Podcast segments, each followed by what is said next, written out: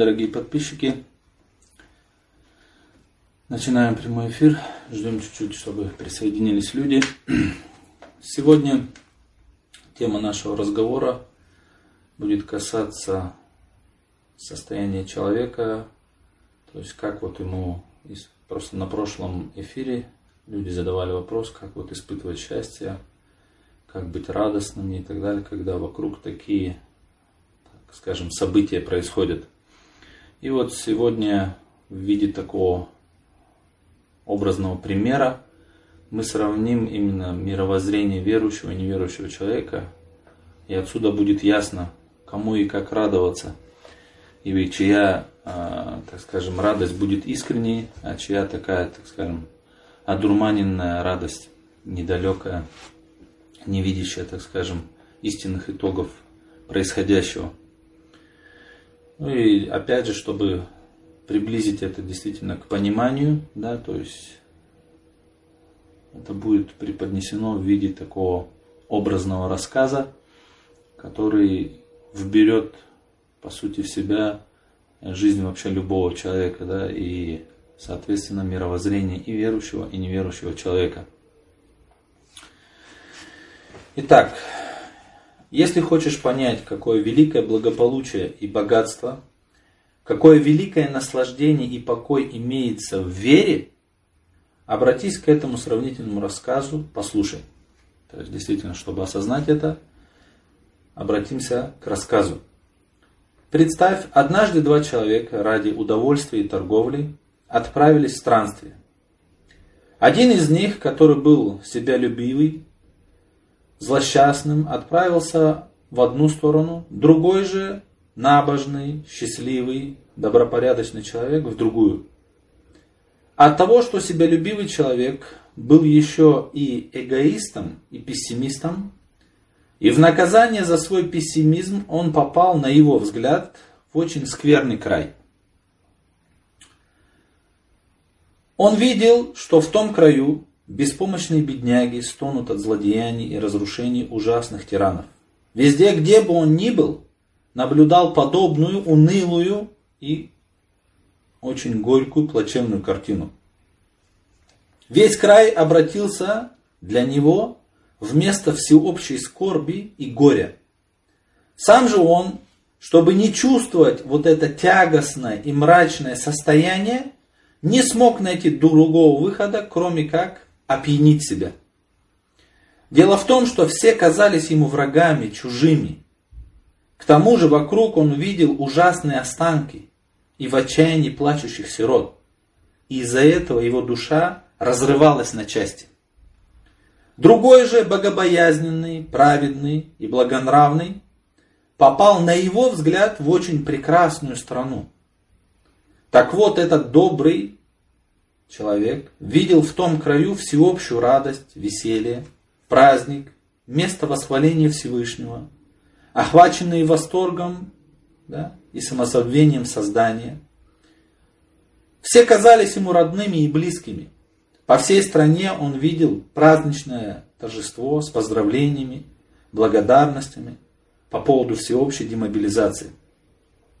И кроме того, с восхвалением, с прославлением он слышал барабанный бой, радостную мелодию новобранцев. Вместо страданий первого злосчастного странника он от своей и от всеобщей боли, то есть вместо страданий первого злосчастного странника и от своей и от всеобщей боли, этот счастливый человек был доволен и своей, и всеобщей радостью. И на душе у него было легко и спокойно. К тому же он получил большую прибыль от торговли и благодарил Всевышнего. После того он вернулся и встретился с тем несчастным. То есть эти два путника встретились. Он понял его состояние и сказал ему, послушай, да ведь ты же был глупцом.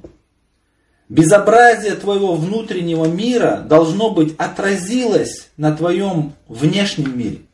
Ты вообразил себе смех как плач, демобилизацию как ограбление и разорение, Образумся, очисти свое сердце, дабы этот злополучный занавес сошел с твоих очей. ты сможешь увидеть истину.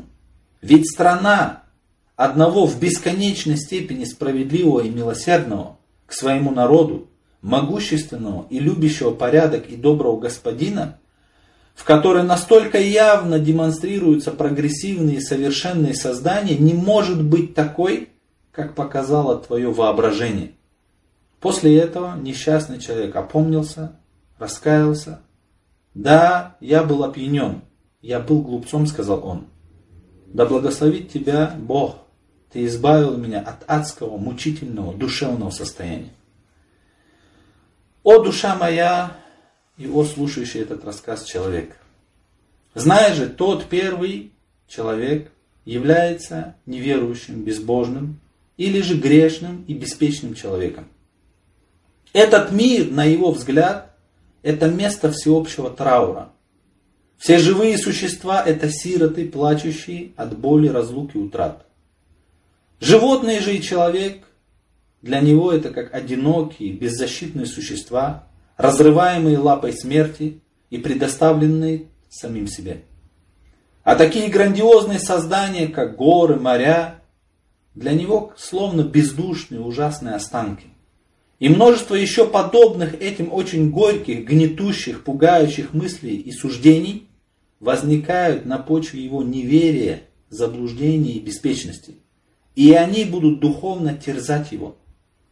Другой же человек, верующий, он признает и подтверждает существование великого Творца.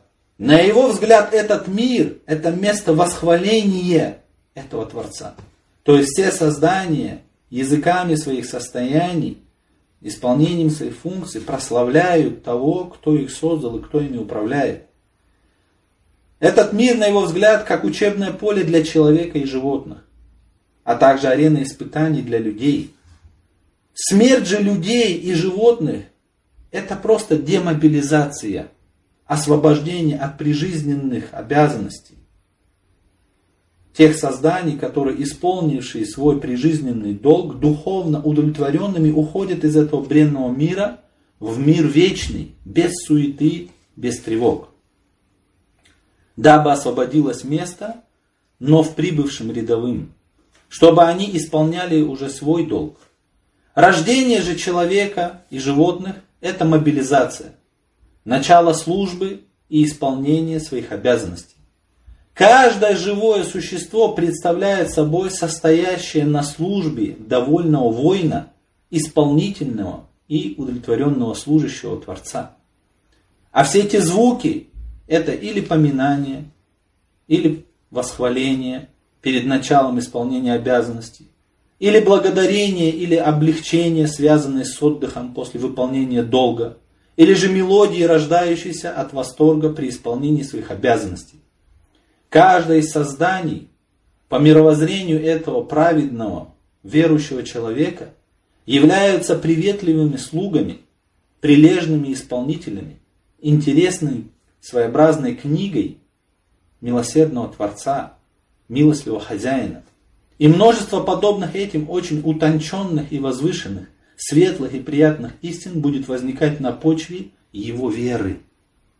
То есть, именно ключевым моментом для счастья человека является действительно осознанная вера, когда он, видя этот мир и те события, которые происходят в нем, смерти, там, расставания и так далее, то есть для верующего человека это не исчезновение, это не тлен, это не какой-то там беспредел и так далее.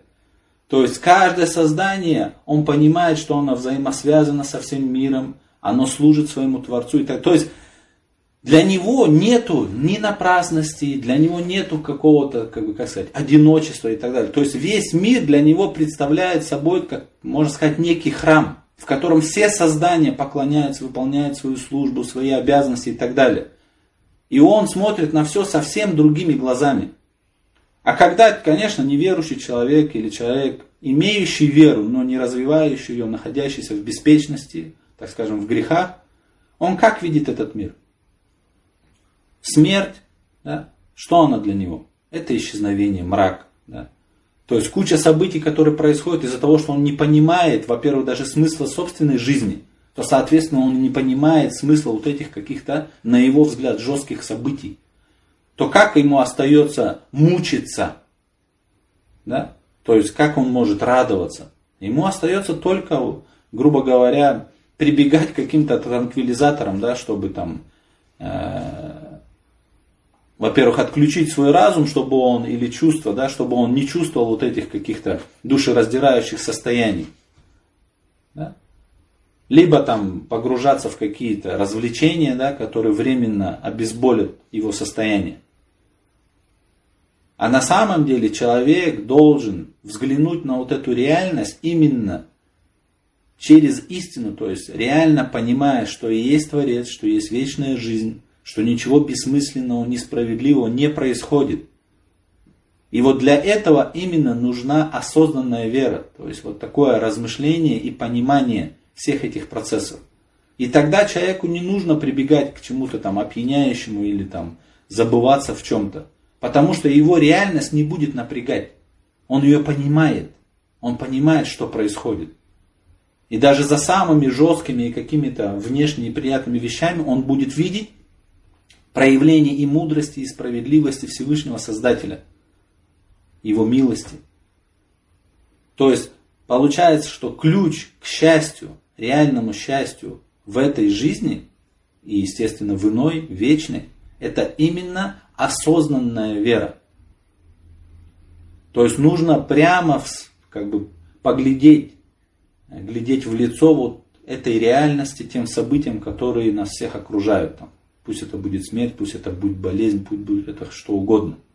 Но именно рассматривая это, понимая, что есть тот Творец, и который так нас всех одарил, то есть, как в примере было сказано, не может быть, чтобы такой вот Творец, который все это создал, который так всех одарил и так далее, да, чтобы потом все это заканчивалось просто никчемными событиями, какими-то просто расставаниями, исчезновением и так далее. То есть просто это не соответствует. Тогда зачем было вообще все это создавать? К чему вообще все эти тогда события? К чему все эти, так скажем, страдания? То есть для чего это?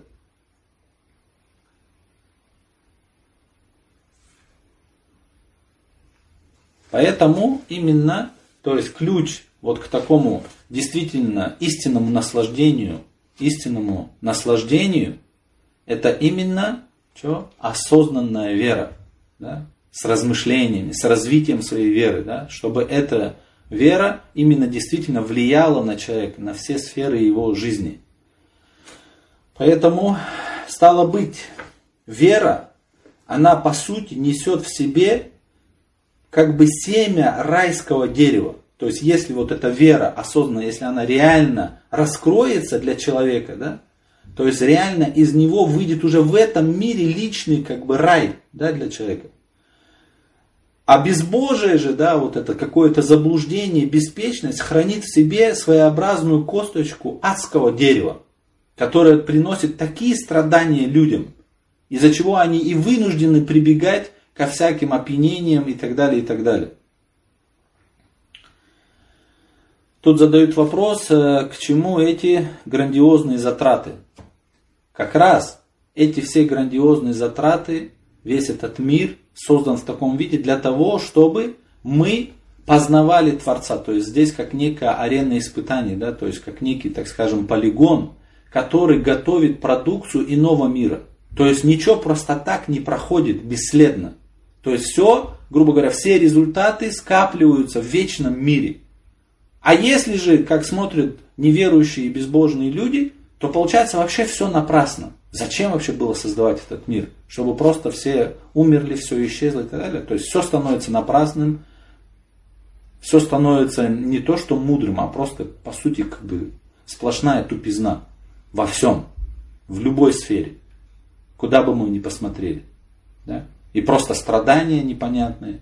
То есть просто человек прожил, что-то промучился, пробегал, испытал там что-то чуть-чуть, но, грубо говоря, Э, больше испытал страданий, и все, умер, исчез, сгнил, все, непонятное существо. То есть все реально приобретает смысл именно с верой. Да? Поэтому действительно для человека, как в этом, так и в ином мире, спасение и благополучие имеется только вот в этой вере, осознанной вере. Да? То есть именно на пути к Всевышнему. Только в этом есть спасение. Все остальное это имитация. Все остальное это просто, как сказать, то есть, грубо говоря, это вот как ребенок, он на самом деле ему нужно там э, натуральное э, материнское молоко, а ему все время какие-то заменители дают. Да? Лишь бы он просто временно не плакал. Там. Но это все равно не подходит, и мы это видим. Что людям сколько бы ни предлагали вот этих всех заменителей счастья, они счастья не приносят им. Да? То есть люди все равно рано или поздно что, начинают страдать, начинают понимать, что их ничего не удовлетворяет, что все это просто картинки, внешне красивые, но когда ты приближаешься и входишь вовнутрь многих таких внешне красивых там обстоятельств, оказывается, там настолько все печально, да, где куча подлости, куча предательства, обмана, лицемерия и так далее. А когда люди именно, грубо говоря, с осознанной верой, да, понимая, что они не только перед людьми, а что есть Создатель, и в первую очередь все, каждый человек должен выстраивать свое поведение и свои отношения именно перед Создателем.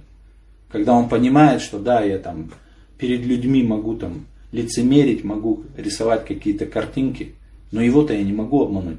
И вот когда каждый человек, представьте, в общем, начнет жить вот таким образом, понимая, что он на 100% прозрачен перед Создателем, да, то во всех сферах практически произойдут колоссальные изменения.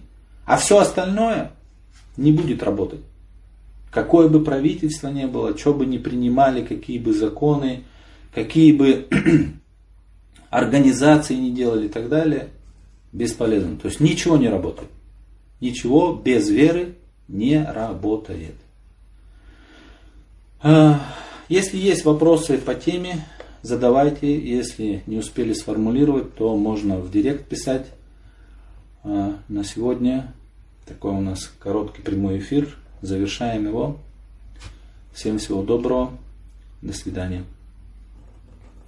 Подожду еще, может быть, кто-то задаст все-таки вопрос. Потому что иногда бывает отставание по эфиру. Ну, смотрю, вопросов вроде бы нету. Всем всего доброго. Развивайте свою веру и будьте счастливы.